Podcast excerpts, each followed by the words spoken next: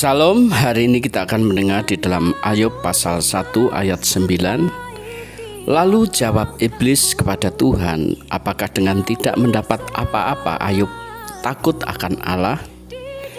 Saudara, apakah sikap kita kalau pertanyaan ini diberikan kepada kita? Apakah masih ada rasa hormat kepada Tuhan saat kita tidak mendapat apa-apa?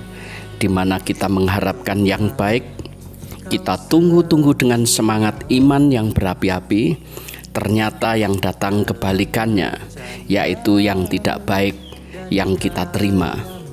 Saudara di dalam Filipi pasal 4 ayat 12 Rasul Paulus menuliskan Aku tahu apa itu kekurangan Aku tahu apa itu kelimpahan. Dalam segala hal dan dalam segala perkara tidak ada sesuatu yang merupakan rahasia bagiku, baik dalam hal kenyang maupun dalam hal kelaparan, baik dalam hal kelimpahan maupun dalam hal kekurangan. Artinya, dalam mengiring Tuhan, bukan saja siap berada di puncak berkat, namun kita juga harus siap atau legowo ada di titik terendah dalam berkat siap dalam kondisi baik maupun siap juga dalam kondisi-kondisi yang lain. Ada pahlawan-pahlawan iman di sekitar kita yang bisa kita teladani.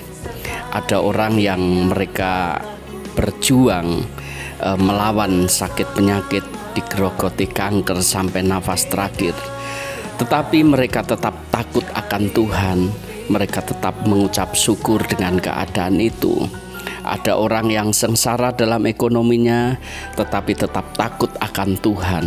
Saudara, kita tidak usah menduga-duga. Kira-kira kita ini kuat atau tidak kalau kalau saya atau saudara yang mengalaminya. Yang jelas, rumah rohani yang dibangun di atas pondasi batu itulah yang mampu menghadapi ujian apa pun. Mari kita bersatu dalam doa. Bapa di surga, Tuhan ajari kami mengucap syukur, ajari kami boleh melihat kehidupan kami, uh, ajari kami untuk kuat menghadapi setiap ujian yang ada. Biarlah saat-saat yang terbaik maupun saat-saat yang kurang menyenangkan sekalipun kami tetap memuliakan namamu. Terima kasih Tuhan, di dalam berkat nama Tuhan Yesus kami terima kekuatanmu. Amin. Puji Tuhan, selamat beraktivitas. Tuhan memberkati.